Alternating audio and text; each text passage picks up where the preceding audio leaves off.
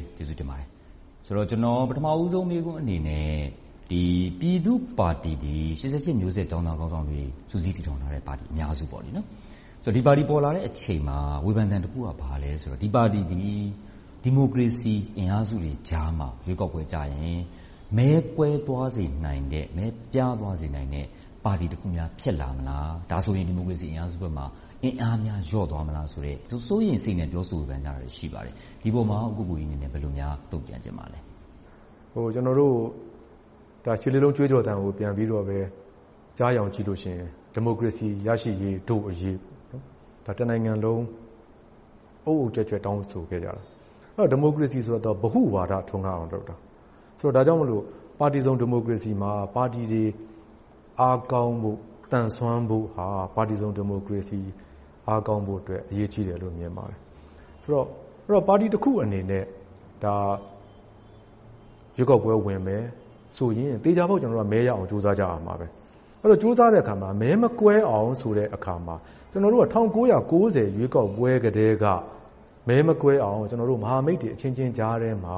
Share လုပ်ပါ။မဟာမိတ်မူဝါဒလုပ်ပါဆိုတာကိုတောက်လျှောက်တိုက်တွန်းခဲ့တယ်။ အထူးသဖြင့်တိုင်းရင်းသားနိုင်ငံရေးပါတီတွေနဲ့ကြားထဲမှာ။ဆိုတော့အခုလဲပဲဒီအတိုင်းပဲခိုင်ခိုင်မာမာယုံကြည်တယ်။ဆိုတော့မဲမကွဲအောင်ကျန်တဲ့လူတွေကပါတီမထောင်နဲ့၊ကျန်တဲ့လူတွေကရွေးကောက်ပွဲမဝင်နဲ့ဆိုတာကတော့မျှတတဲ့နည်းလမ်းမဟုတ်ဘူးလို့ကျနော်ကအဲဒီလိုမြင်တယ်။တကယ်ကယုံကြည်ချက်၊ရပ်တည်ချက်တူတဲ့လူတွေလွှတ်တော်ထဲရောက်သွားရင်ဆိုင်းဘုတ်မတူလဲဘဲလွှတ်တော်ထဲမှာတသံတည်းထွက်မှာပဲ။ ဆိုတော့ပိုတောင်အားကောင်းသေးတယ်။တခြားပါတီတွေကထောင်ထောင်မီလုပ်နိုင်ကိုင်နိုင်တဲ့လူတွေလွှတ်တော်ထဲရောက်သွားရင်ဆိုင်းဘုတ်မတူသော်လဲလွှတ်တော်ထဲမှာအားကောင်းတဲ့မဟာမိတ်အစုအဖွဲ့ကြီးတစ်ခုရမယ်လို့ကျနော်တို့ယုံကြည်တယ်။ရွေးကောက်ပွဲမှာအခုနလိုပါတီ နှစ်ခုသုံးခုဆိုကြပါစို့ပွင့်ပွင့်လင်းလင်းပြောရရင် NLD ပါတီ၊ကိုကိုကြီးတို့ပြည်သူ့ပါတီအဓိကပါတီတွေဒီမိုကရေစီရေးကိုတောက်လျှောက်လုပ်လာကြတဲ့ပါတီတွေ။တဘက်မှာတော့ပြိုင်ဘက်နိုင်ငံရေးပါတီကြီးတွေရှိတယ်။ဆိုကြပါစို့မဲဆန္ဒနယ်တစ်ခုမှာပြည်သူ့ပါတီနဲ့ NLD ပါတီနဲ့နှစ်ခုယှဉ်ပြိုင်၊တခြားနိုင်ငံရေးပါတီကြီးတစ်ခုနဲ့ပြိုင်ကြတဲ့အခါမှာ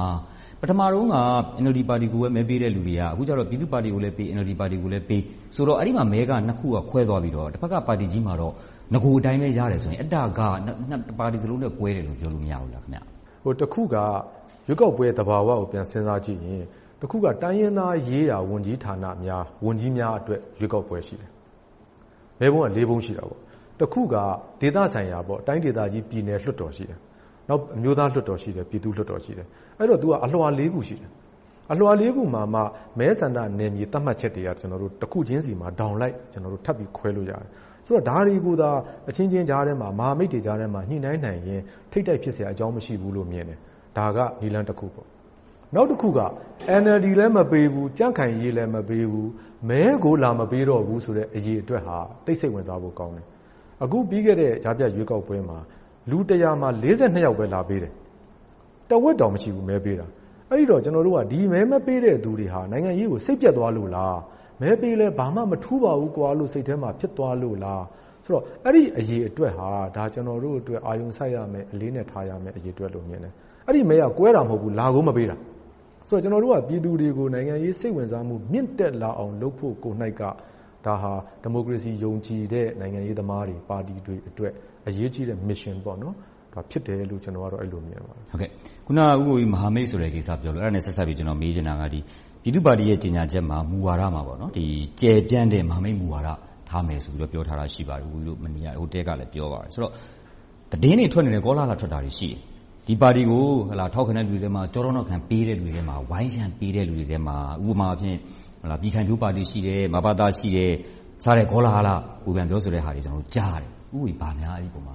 တုံ့ပြန်ပြောချင်ပါလဲ။ကျနော်တို့ နိုင်ငံရေးယဉ်ကျေးမှုကိုလည်း ပြန်လေ့လာဖို့လိုတယ်။ဘာဖြစ်လို့လဲဆိုတော့ တလျှောက်လုံးမှာ အာဏာရှင်စနစ်အောက်မှာ နေခဲ့ရတော့ သူက ရန်ငါဆိုတဲ့ အယူအဆ ရှိတယ်။ဆိုတော့ရန်ငါအယူအဆမှာ ငါမဟုတ်ရင် ရန်ဘက်ကပဲဆိုတာမျိုး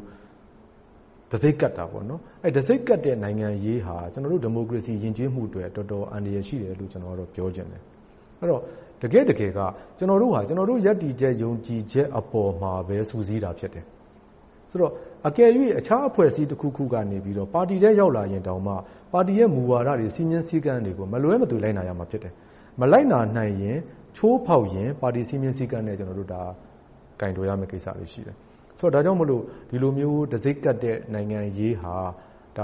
လက်လွတ်စပယ်ပြောနေတဲ့သူတွေနဲ့ရည်ရွယ်ချက်ရှိရှိလုပ်နေတဲ့သူတွေကိုရောကျနော်ကတော့ အကြံပြုချင်တာ၊သတိပေးချင်တာတခုကတော့အန္တရာယ်ရှိတယ်။အဲဒါဟာနိုင်ငံဟာတစစီအကွဲအပြဲအင်မတန်များတဲ့နိုင်ငံမှာတယောက်ကိုတယောက်တံဆိပ်ကပ်တဲ့ကိစ္စဟာနိုင်ငံရဲ့အသွင်ကူးပြောင်းရေးအတွက်၊အမျိုးသားပြန်လည်သင့်မြတ်ရေးအတွက်အန္တရာယ်ရှိတယ်ဆိုတာလေးဒါလေးတော့ကျနော်သတိပြုစေချင်ပါတယ်အားလုံးကို။ဆိုတော့ဘယ်လိုပဲဖြစ်ဖြစ်ဦးကိုကိုကြီးတို့ပြည်သူ့ပါတီသည်၂၀၂၀အထွေထွေရွေးကောက်ပွဲအတွက်ရည်ရွယ်ပြီးတော့ပြင်ဆင်မှာပါပဲ။ ၂၀၂၀အထွေထွေရွေးကောက်ပွဲမှာလည်းအင်အားနဲ့ဝင်နိုင်အောင်ဦးကိုကိုကြီးတို့ကြိုးစားကြမှာပါ။ဒါပြည်သူတွေအနေနဲ့သိထားပြီးသားပါ။ဆိုတော့၂၀၂၀ရွေးကောက်ပွဲမှာပြည်သူ့ပါတီအနေနဲ့အဓိကရင်ဆိုင်ရမယ့်အခြေအနေစိန်ခေါ်မှုဆိုရင်ဘာရှိမလဲ။အခုအထူးသဖြင့်ပြည်သူတွေရဲ့နိုင်ငံရေးအပေါ်မှာစိတ်ဝင်စားမှုအဲဒါဟာနိုင်ငံရေးသမားတိုင်းအတွက်အရေးကြီးတယ်လို့ကျနော်ကတော့ယုံကြည်တယ်။ရွေးကောက်ပွဲဝင်တဲ့ ကိုယ်စားလှယ်တယောက်ပါတီတခုဟာနိုင်ချင်နိုင်မရှုံးရင်ရှုံးမယ်။ဒါဖြစ်ရိုးဖြစ်စဉ်ပဲ။သို့သော်ပြည်သူတွေမဲပေးတဲ့ရာခိုင်နှုန်းကျသွားပြီဆိုရင်တော့နိုင်ငံရေးလောကတခုလုံးရှုံးတာလို့ကျနော်တို့ကမြင်တယ်။ဒါကြောင့်မို့ပြည်သူတွေနိုင်ငံရေးအပေါ်မှာစိတ်ပျက်သွားတာမျိုး၊ယုံကြည်မှုနည်းသွားတာမျိုးဖြစ်လာခဲ့ရင်တော့အဲဒါဟာကျနော်တို့နိုင်ငံရေးပါတီတွေအားလုံးအတွက်အကြီးမားဆုံးစိန်ခေါ်ချက်လို့ကျနော်တို့မြင်ပါတယ်။ ကျနော် သတိထားမိတာဦးကိုကိုကြီးတို့ ပါတီ စထောင်မယ်ဆိုကတည်းက ပါတီထောင်ဖို့အတွက် စလုပ်တဲ့အချိန်၊ပါတီဖွဲ့စည်းဖို့အတွက် စလုပ်တဲ့အချိန် နောက် ပါတီဖွဲ့စည်းတဲ့အချိန်မှာလည်း အထူးသဖြင့် တရုတ်နဲ့ ဂျပန်တို့လို မြန်မာနိုင်ငံနဲ့ အဓိက မြန်မာ့ကိစ္စဝိစ္စတွေမှာလည်း ငြိမ်းချမ်းရေးကိစ္စ၊ရခိုင်ကိစ္စ စသည်ဖြင့် ထဲထဲဝင်ဝင်ပါနေတဲ့ နိုင်ငံကြီးတွေက အတော်လေး စိတ်ဝင်စားတာကိုကျနော်သတိထားမိတယ်။ဆိုတော့ ဒီတရုတ်နဲ့ ဂျပန်တို့လို နိုင်ငံကြီးတွေက ပြည်သူ့ပါတီကို အထူးစိတ်ဝင်စားတာ ဘာကြောင့်လို့များဦးကိုကိုကြီး သုံးသပ်ပါလဲ။ တခုကတော့နိုင်ငံတကာကသံရုံးတွေနိုင်ငံအသီးသီးမှာလာပြီးတော့ရုံးဆိုက်တယ်ဆိုတာဟာအဲဒီနိုင်ငံရဲ့နိုင်ငံရေး၊စီးပွားရေး၊လူမှုရေးသတင်းအချက်အလက်တွေကိုစုဆောင်းတာပဲ။စုဆောင်းပြီးလို့ရှိရင်သူတို့ရဲ့ကောက်ချက်တွေ၊သူတို့ရဲ့အကဲဖြတ်ချက်တွေရှိပါလိမ့်မယ်။ဒါကနိုင်ငံတကာသံရုံးတွေရဲ့သူတို့ရဲ့သဘာဝပဲ။ဆိုတော့ဒါကြောင့်မို့လဲ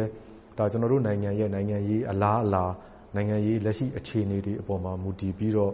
ဘယ်ပါတီကိုဆက်ဆံမယ်၊ ဘယ်အစုအဖွဲ့ကိုဆက်ဆံမယ်ဆိုတာတွေကတော့သက်ဆိုင်ရာနိုင်ငံတွေရဲ့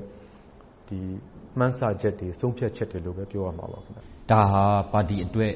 ၊ပါတီရှေ့လျှောက်လုပ်မယ့်နိုင်ငံရေးလုပ်ငန်းစဉ်အတွက်ကောင်းတဲ့ကိစ္စလို့ပြောနိုင်မလား။အဓိကတော့ကျနော်တို့ကနိုင်ငံရေးပါတီလုပ်တယ်ဆိုတာအရေးကြီးဆုံးကတော့ပြည်သူရဲ့ထောက်ခံမှု။ပြီးလို့ရှိရင်တော့နိုင်ငံကိုကိုယ်စားပြုတဲ့အဆင့်စဉ်းစားပြီဆိုရင်နိုင်ငံတကာနဲ့ဆက်ဆံရေးအင်မတန်အရေးကြီးပါတယ်။အဲဒီတော့နိုင်ငံတကာဆက်ဆံရေးဆိုတဲ့အခါမှာလဲပ ထဝီနိုင်ငံရေးအနေအထားအရကိုယ်ကအိမ်နီးချင်းနိုင်ငံတွေနဲ့ဆက်ဆံရေးဟာဒါဟာကျနော်တို့ရဲ့မွေးရာပါ။တကယ်အင်မတန်အရေးကြီးတဲ့ကိစ္စလည်းဖြစ်ပါတယ်။ပြီးတော့မှဒေသတွင်းနိုင်ငံများနဲ့ဆက်ဆံရေးအာဆီယံမိသားစုထဲမှာပါဝင်နေတဲ့အတွက်ကြောင့်အာဆီယံနိုင်ငံတွေနဲ့ဆက်ဆံရေး၊အခြားနိုင်ငံတကာဒီမိုကရေစီရေးကိုထောက်ခံအားပေးခဲ့ကြတဲ့မိတ်ဆွေနိုင်ငံများ၊နိုင်ငံတကာနဲ့ဆက်ဆံရေးဒါတွေဟာဂရုစိုက်ရမယ့်ကိစ္စတွေဖြစ်ပါတယ်။ နိုင်ငံရေးပါတီတစ်ခုပေါ်လာပြီ။ဒီနိုင်ငံရေးပါတီမှာခေါင်းဆောင်တွေရှိလာပြီ။ဒီခေါင်းဆောင်တွေဒီတချိန်မှာရွေးကောက်ပွဲဝင်မယ်။ပြောရရင်လွှတ်တော်ထဲရောက်မယ်။ဒါ့အပြင်နိုင်ငံအုပ်ချုပ်ရေးအာဏာရလာမယ်။ဆိုတော့ကျနော်အဓိကဒီနေရာမှာမေးချင်တဲ့မေးခွန်းကအင်္ဂလိပ်လိုဆိုရင်တော့ Are you ready to govern ပြည်သူ့ပါတီအနေနဲ့တိုင်းပြည်အာဏာကိုရယူပြီးတော့တိုင်းပြည်ကိုကောင်းတဲ့လမ်းကြောင်းပေါ်ကနေအုပ်ချုပ်ဖို့အတွက်အခွင့်အရေးရမယ်ဆိုရင်အုပ်ချုပ်ဖို့အတွက်အဆင်သင့်ဖြစ်နေပါပြီလား။ကျနော်တို့ကနှစ်အတွေ့အကြုံတွေရှိတယ်။ နှစ်အတွေ့အကြုံဆိုတာကိုယ်တိုင်ဖြတ်သန်းခဲ့တဲ့အတွေ့အကြုံတွေရှိသလိုကျနော်တို့အရင်မျိုးဆက်တွေကနေတဆင့်ကြားတဆင့်နာအတွေ့အကြုံတွေလည်းရှိတယ်။နောက်တခါနိုင်ငံတကာအတွေ့အကြုံတွေကိုကျနော်တို့စာအုပ်စာတမ်းများတဆင့်လေ့လာတာ၊ကိုယ်တိုင်သွားရောက်ပြီးတော့လေ့လာတာတွေရှိတယ်။အဲဒီတော့ကျနော်တို့နိုင်ငံကိုဘယ်လိုပုံစံမျိုးလုပ်သင့်တယ်၊ဖြစ်စေချင်တယ်ဆိုတဲ့စိတ်ကူးစိတ်သန်းတွေရည်မှန်းချက်တွေရှိပြီသားဖြစ်တယ်။အဲဒီတော့အကယ်၍ဆောင်ရွက်ခွင့်ရခဲ့မယ်ဆိုရင်လဲကျနော်တို့ဒီအတွေ့အကြုံတွေကိုလက်တွေ့နယ်ပယ်က ဘာသာရပ်ဆိုင်ရာနယ်ပယ်အလိုက်ကျွမ်းကျင်တဲ့ပုဂ္ဂိုလ်များကိုလည်းအတတ်နိုင်ဆုံးစုစည်းနေတယ်။စုစည်းထားတာတွေလည်းရှိတယ်။ဒါကြောင့်မို့ကျနော်တို့အနေနဲ့နိုင်ငံအတွက်ပြည်သူတွေရဲ့ဘဝကိုမြှင့်တင်နိုင်မယ့်ကိစ္စမျိုးတွေအတွက်ပြင်ဆင်နေပါတယ်။ပြင်ဆင်ထားတာတွေလည်းရှိပါတယ်လို့ပြောပါရစေကျေးဇူးအများကြီးတင်ပါတယ်ကျေးဇူးတင်ပါတယ်